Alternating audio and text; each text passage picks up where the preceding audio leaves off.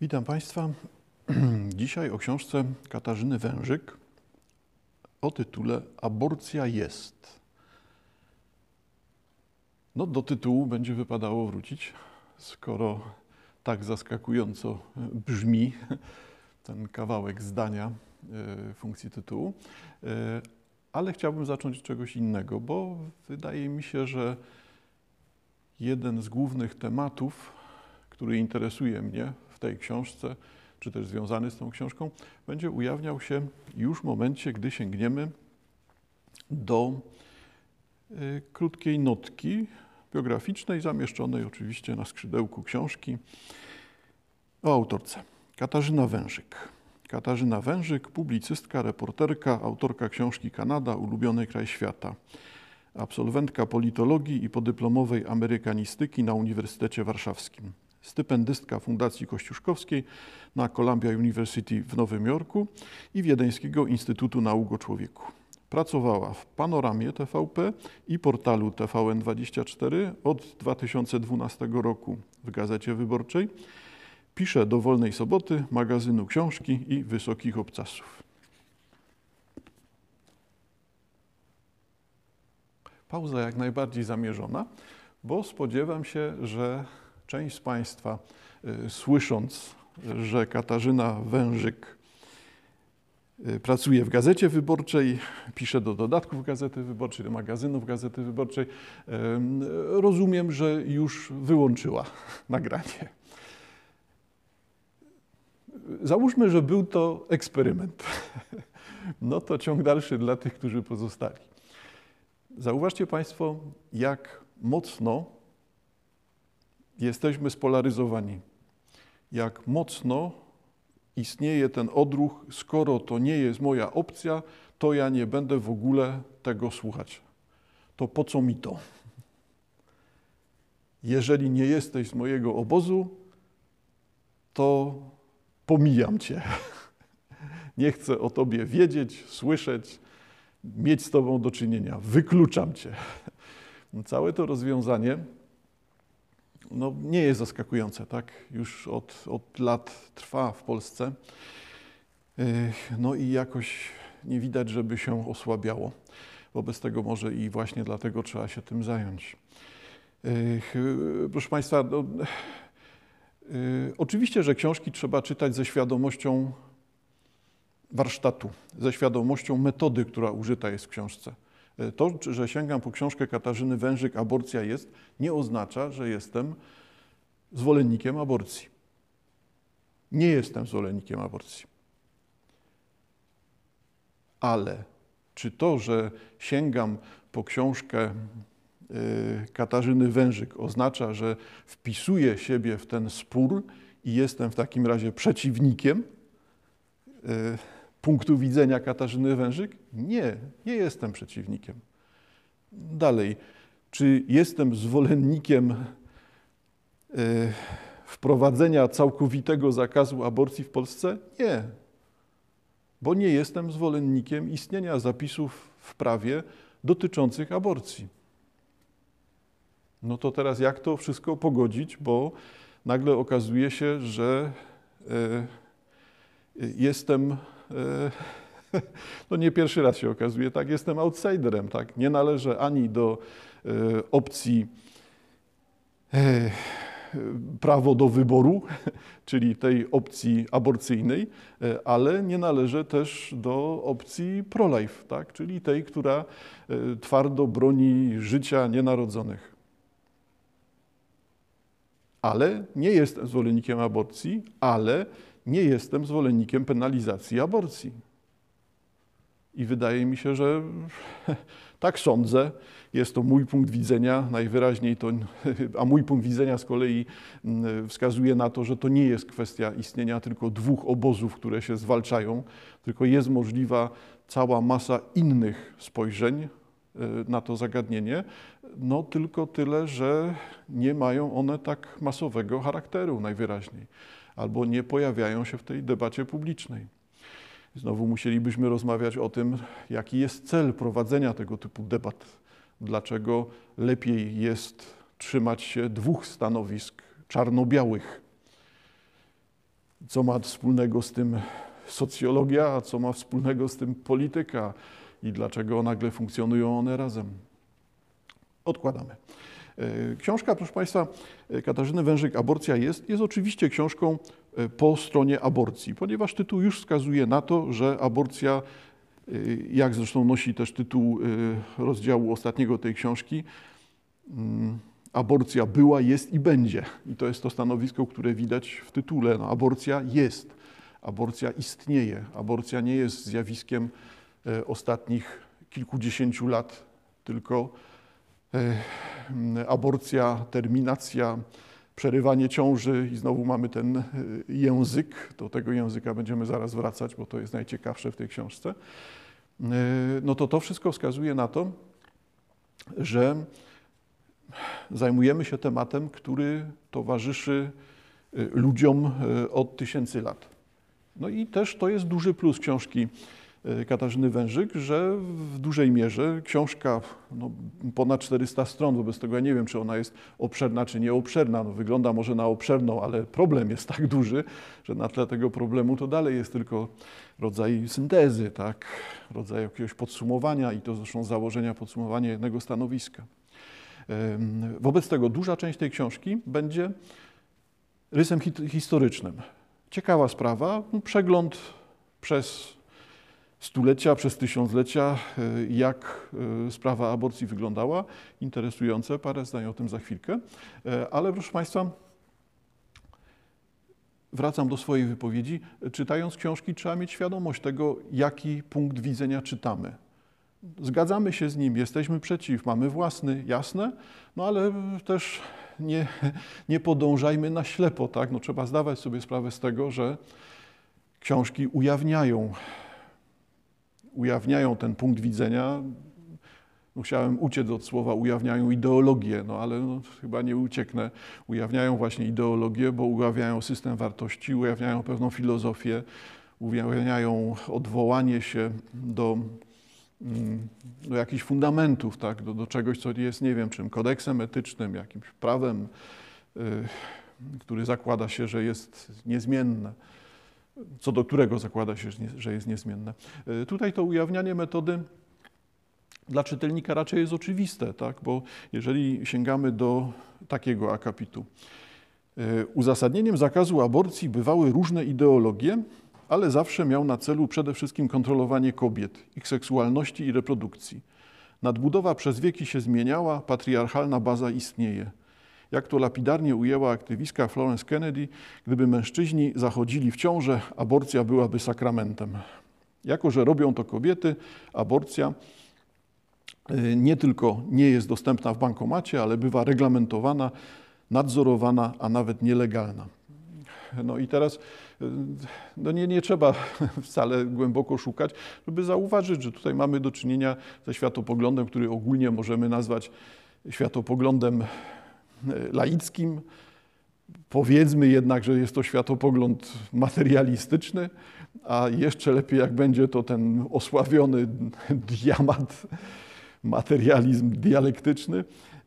No bo widoczne to jest w terminologii, widoczne to jest w pewnym sposobie nazywania świata, mówienia o świecie. No skoro wprowadza się kategorię nadbudowy, kategorię bazy, oczywiście ja rozumiem, że tu wprowadza się je obrazowo, wprowadza się po to, żeby wyjaśniać y, stanowisko. No tak, ale no właśnie odwołujemy się do takiego zespołu pojęć. No to, mm, no to w tym momencie mm, rozumiejmy, że to się właśnie dzieje i no nie bądźmy tymi czytelnikami, którzy tu ślepo na, na fali w ślad za wypowiedzią się unoszą. Tak? No każda lektura wymaga refleksji, każda lektura wymaga określenia swojego stanowiska wobec tekstu. Ten tekst może nas wzbogacać i ten tekst może nas wzbogacać o to, że określimy siebie w opozycji do tego tekstu. Także tu bym prosił o to, żeby jakby mieć e, mm, otwarty umysł, e, zobaczyć e, o co tutaj chodzi i podjąć rozmowę, tak, umieć swoje stanowisko ujawnić, pokazać, nazwać, a nie okopywać się w jakiejś twierdzy i mówić my tu po stronie dobra i światła, a cała reszta to te tłumy barbarzyńskich zwierząt, które po stronie diabła niszczą świat. To jest bardzo duży błąd. Naprawdę.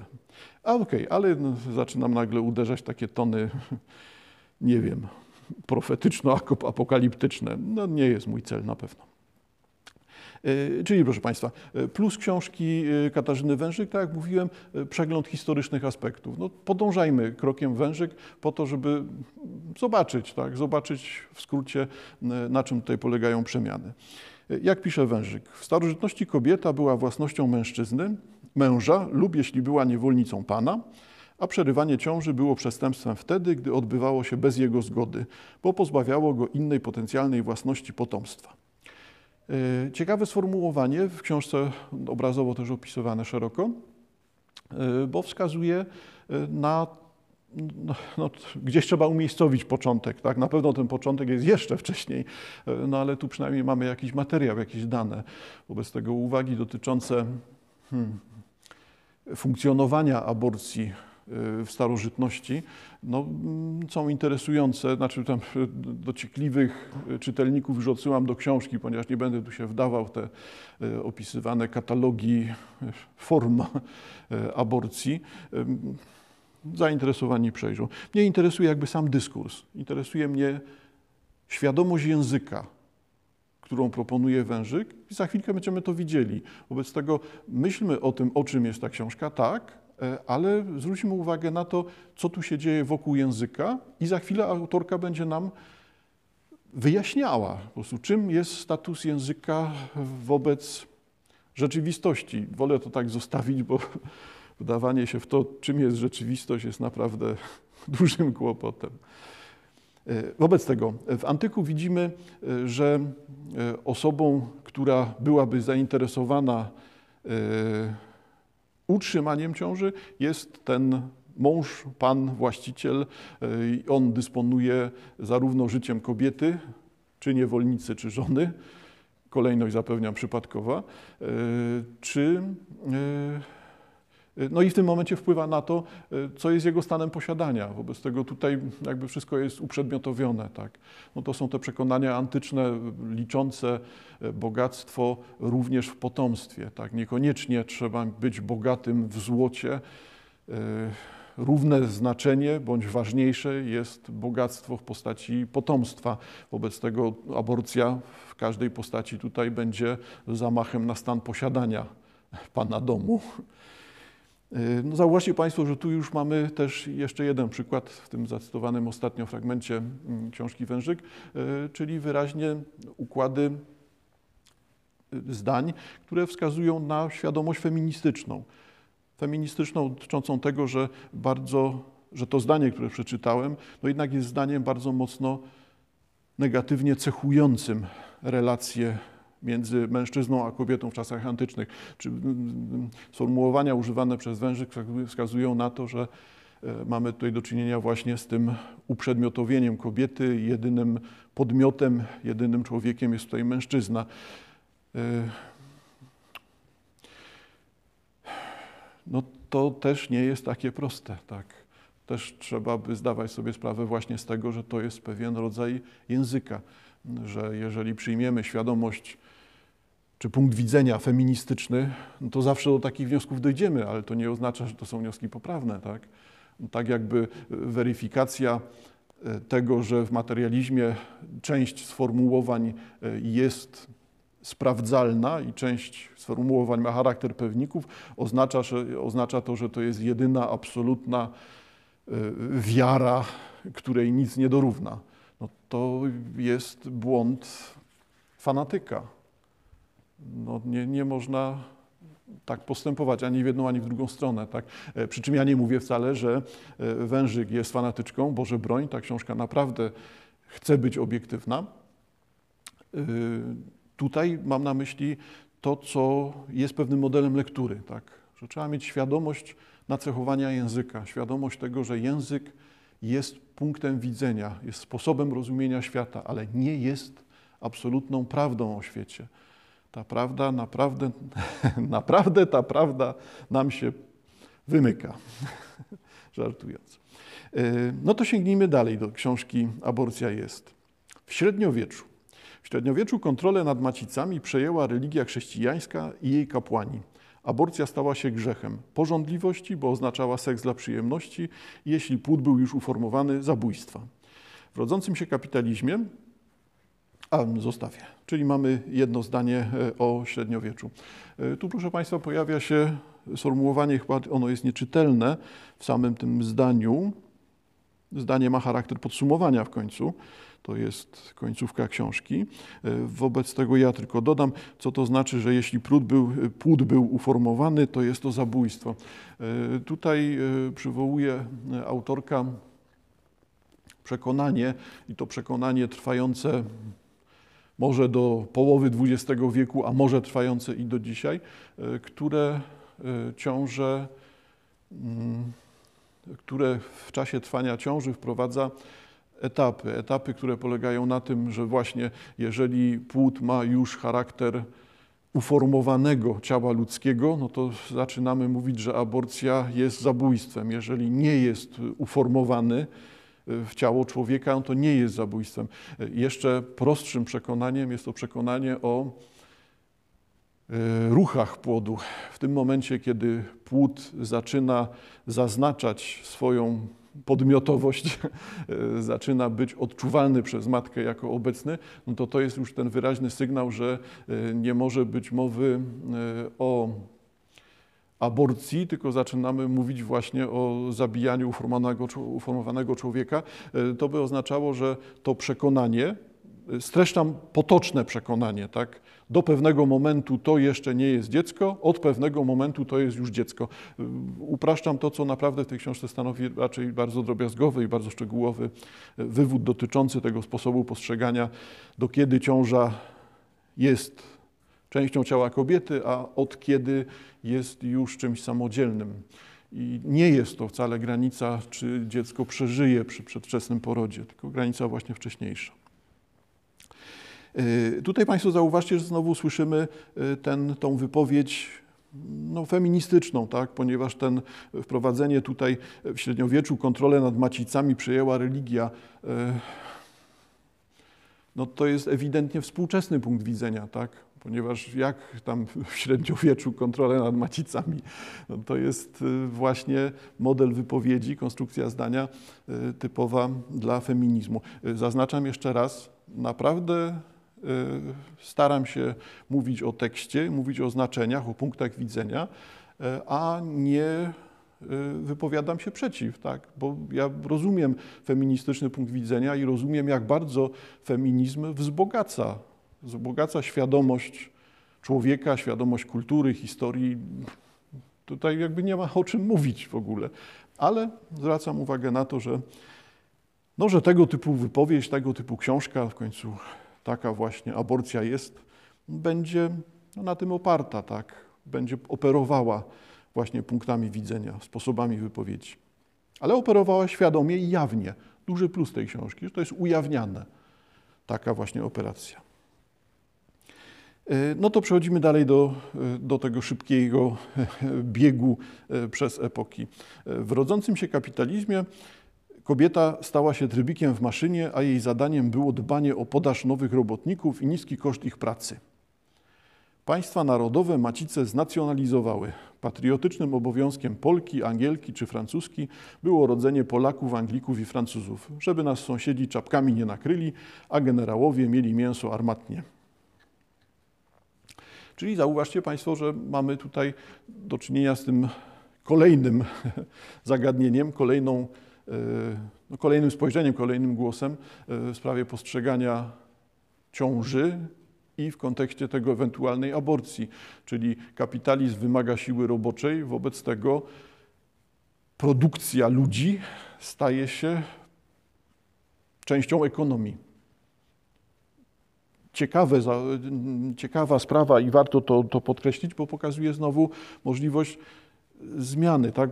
pokazuje zakładzącą zmiany, pokazuje możliwość innego spojrzenia, na ile w ogóle nie rozmawiamy o e, podmiotowości, decyzji, e, moralności, tylko rozmawiamy o no, o trybikach właśnie, tak, o maszynach, o tym, że coraz więcej siły roboczej, coraz więcej robotników, a jak coraz więcej robotników, to powstaje coraz więcej odrębnych pomysłów na bogacenie się, um, umownie nazwijmy to ekonomią, no to te ekonomie zaczynają być ekonom, ekonomiami narodów. I zaczyna to nagle właśnie tak funkcjonować, że pojawiają się nie tylko robotnicy, ale też i żołnierze potrzebni. Konflikty narodowe, tak mocno narodowe, tak, tak już właśnie będące wstępem do późniejszych ideologii nacjonalistycznych, no to jest jednak XIX wiek, nie wcześniej. No to w takim razie, skoro padło nacjonalizm, to zauważmy, jaki jest ten dalszy etap. Amerykańscy, dalej cytuję, amerykańscy, potem niemieccy eugenicy dorzucili do tego obowiązek wobec rasy. Rozmnażać się, najlepiej jak króliki, powinny zdrowe, białe, niebieskookie blondynki z klasy średniej i wyższej, reszcie należało to utrudnić. I pojawia się ten kontekst, upraszczam znowu, e, pierwszej połowy XX wieku, gdy myślenie o rozmnażaniu jest tym myśleniem, które pojawia się w obrębie rasizmu, pojawia się jako część takiego właśnie sposobu postrzegania roli człowieka w świecie na sposób rasistowski. E, spostrzeżenie znowu wymagające masy przykładów, masę analiz, no i to jest to, co jest materiałem tej książki. Bardzo ciekawie jest to wcześniej wyjaśniane. E, dopiero od lat 70. ubiegłego wieku, dalej cytuję, dzięki drugiej fali feminizmu i legalizacji aborcji na Zachodzie kobieta stała się po raz pierwszy właścicielką swojej własnej macicy. I ten kopernikański przewrót natychmiast wywołał gwałtowny e, backlash konserwatystów. Y, czyli punkt zmiany no jest mniej więcej wtedy, gdy pojawia się na dużą skalę antykoncepcja, a dokładnie tabletka antykoncepcji hormonalnej y, i to wprowadzałoby gwałtowną przemianę. No to jest już opisywane w tak wielu miejscach. Rewolucja seksualna XX wieku, przełom lat 60., 70., no, że też nie, nie, warto teraz tego omawiać, raczej wszyscy są tego świadomi. Y, rzeczywiście rewolucja nastąpiła te 50 lat temu. Jak, to, jak teraz wygląda sprawa w Polsce na tym tle? Bo już prze, przewędrowaliśmy w kilku cytatach y, przez aborcję jako globalne zjawisko byliśmy i w Starym, i Nowym Świecie, no to teraz pojawmy się u nas. Polki już od lat 50. miały szeroki dostęp do aborcji, ale nie był on oparty na idei, że kobieta powinna mieć prawo do decydowania o tym, czy urodzić. PRL zalegalizował przerywanie ciąży z powodów pragmatycznych. Za dużo ciężarnych traciło życie i zdrowie w pokątnych skrobankach. Zniszczone wojną państwo nie mogło sobie na to pozwolić. Aborcja miała pozwolić kobiecie wielodzietnej być lepszą matką dla już urodzonych dzieci. Moim zdaniem e, dalej widać punkt widzenia. Tak, to nie są rzeczy, to nie są wypowiedzi o charakterze obiektywnym, to są wyraźne wypowiedzi wskazujące na, e, no, na akceptację aborcji z definicji. Tak, bo tutaj w tym akapicie widzimy nic innego jak próbę usprawiedliwiania, wyjaśniania, komentowania, takiego akceptującego komentarza dotyczącego e, legalności e, aborcji w Polsce e, po II wojnie światowej. Wszystko w porządku, tak, tylko znowu, czy czytelnik na pewno ma taką świadomość, bo powinien mieć, że to nie jest komentarz do całej rzeczywistości, tylko to jest komentarz hmm, no, wyjaśniający, akceptujący, ale nie obiektywny. Jaki byłby obiektywny? No taki, który pokazuje jednak złożoność tego, tak, że tutaj motorem e, decyzji e, o aborcji wcale nie była e, jedynie kwestia zapewnienia opieki zdrowotnej ratującej kobiety przed aborcjami nielegalnymi, wykonywanymi w złych warunkach higienicznych, wykonywanymi przez wszelkiego rodzaju domorosłych specjalistów. Osławione wszystkie tam e, szprychy i inne rzeczy służące jako narzędzia aborcyjne. Znowu, rzeczywistość na pewno, jest, no i po prostu jest, tak. Aborcja jest, ale rzeczywistość też jest. Jest bardziej złożona niż taki komentarz, który słyszymy. E, co nie podważa tego komentarza, tak? Tak, no jest to wniosek, że aborcja została dopuszczona po to, żeby ratować kobiety. Ok, ale to nie jest kropka, tak? To, to nie wyjaśnia całego zagadnienia. Co wobec tego po zmianie? Tak? No bo tutaj ten akapit, który zacytowałem przed chwilą, dotyczył e, Polskiej Rzeczypospolitej Ludowej. No to 89 rok, wychodzimy z PRL-u. Zaczyna się ta, zaczyna się współczesna zabawa w numerowanie Polski.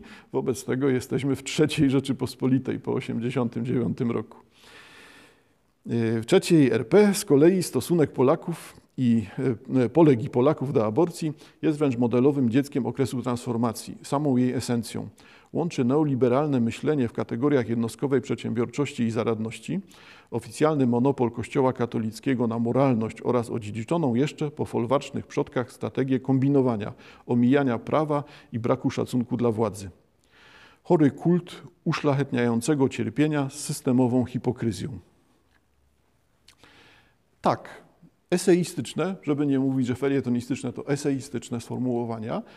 E, obrazowość zwycięża nad e, drobiazgowością, no ale jeszcze raz, te zdania mają charakter podsumowania i mają charakter świadomego operowania pewnym językiem. Wobec tego tutaj znowu widzimy, że w tych obrazach no, trudno uciec przed tym, że jest to e, trafne spostrzeżenie. Oczywiście że jest to również spostrzeżenie upraszczające, e, ale, ale trafne, tak? Połączenie mm, neoliberalnego podejścia do osoby w Polsce katolicyzm jako fundament moralności, ten masowy fundament, powszechnie występujący, a na tym wszystkim nadbudowana jeszcze strategia pogardy dla prawa, pogardy dla władzy każdej, więc zarówno świeckiej, jak i kościelnej, i ta tradycja tego, że trzeba sobie poradzić, bo i tak ja mam rację. Nawet jeżeli chylę czoła przed czymś i czy wielbię władzę świecką, czy władzę kościelną, to i tak swoje wiem i zrobię tak, jak mi się podoba. I tu bardzo celnie pokazywany jest właśnie ten e, polski zgrabny punkt widzenia. To, to nie jest punkt widzenia, to jest pewien model życia, który polega na tym, że Panu Bogu świeczkę, diabłu ogarek, tak?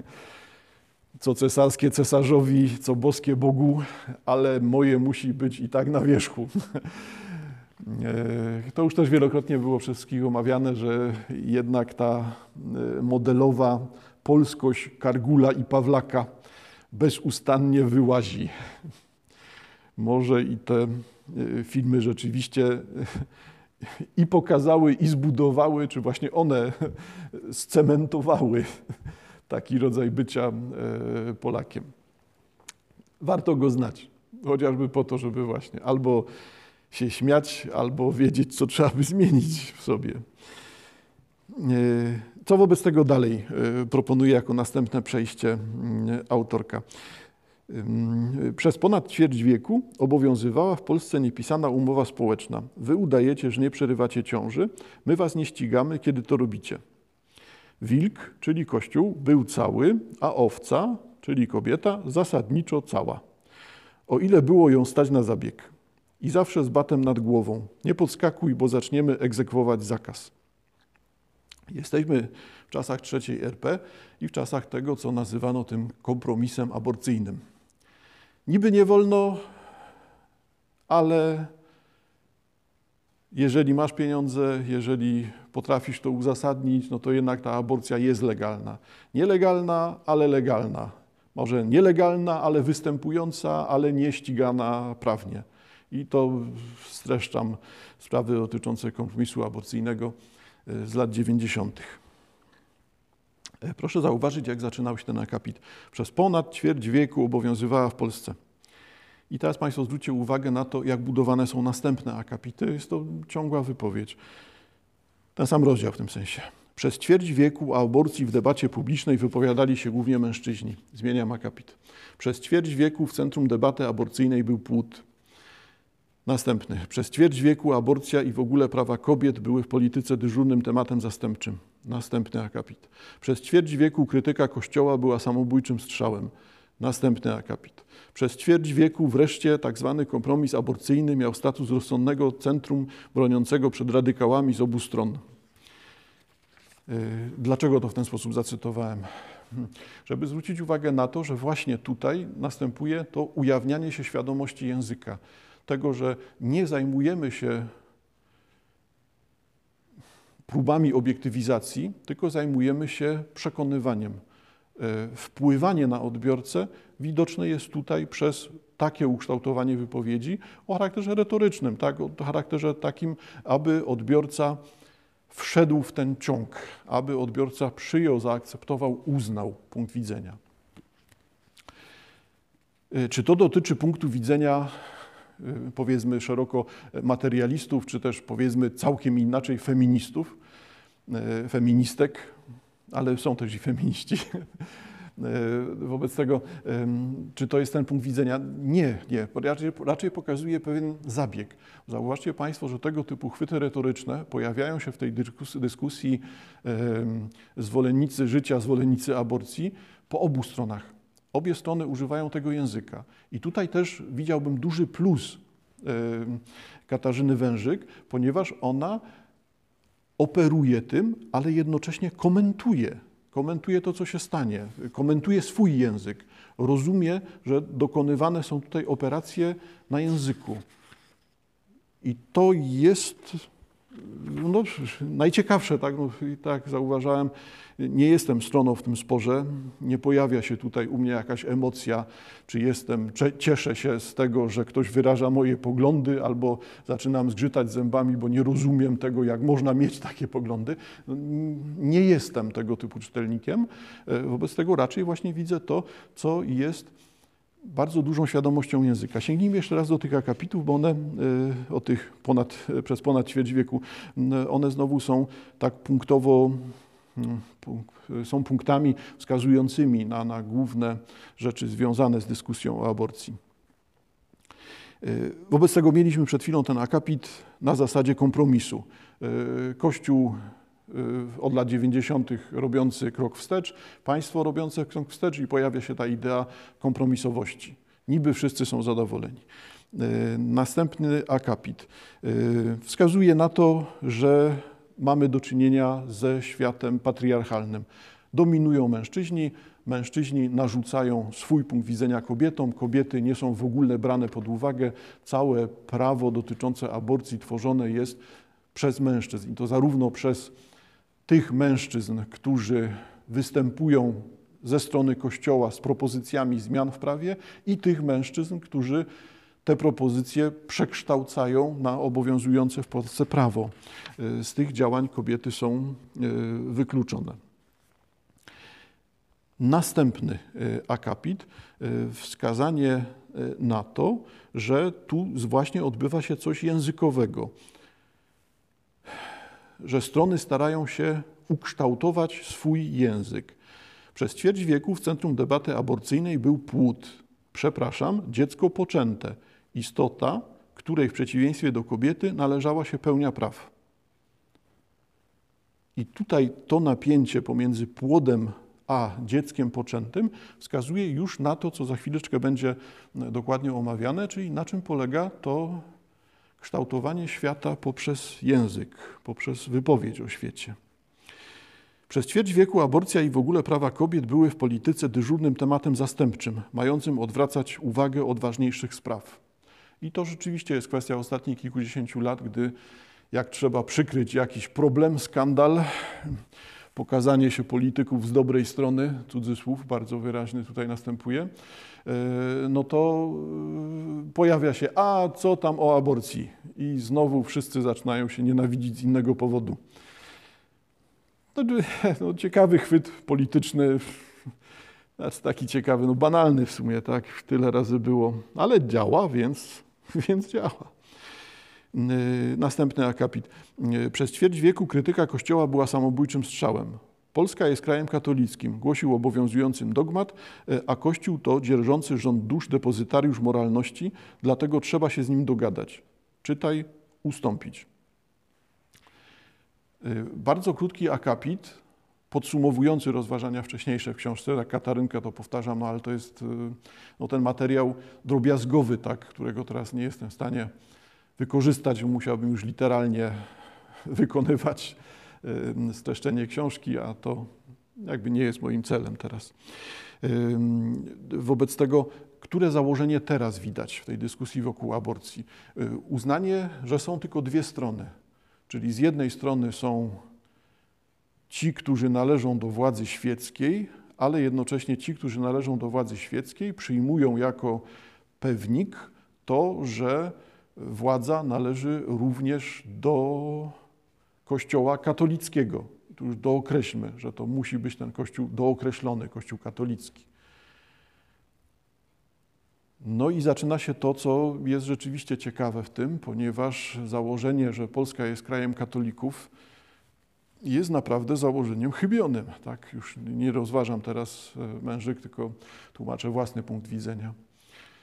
E, Z ilości e, osób, które pojawiają się posypać głowę popiołem i pojawiają się e, poświęcić jajka w kościele, nie można wnioskować, że to są katolicy. No, nawet tutaj nie pojawiają się wszyscy.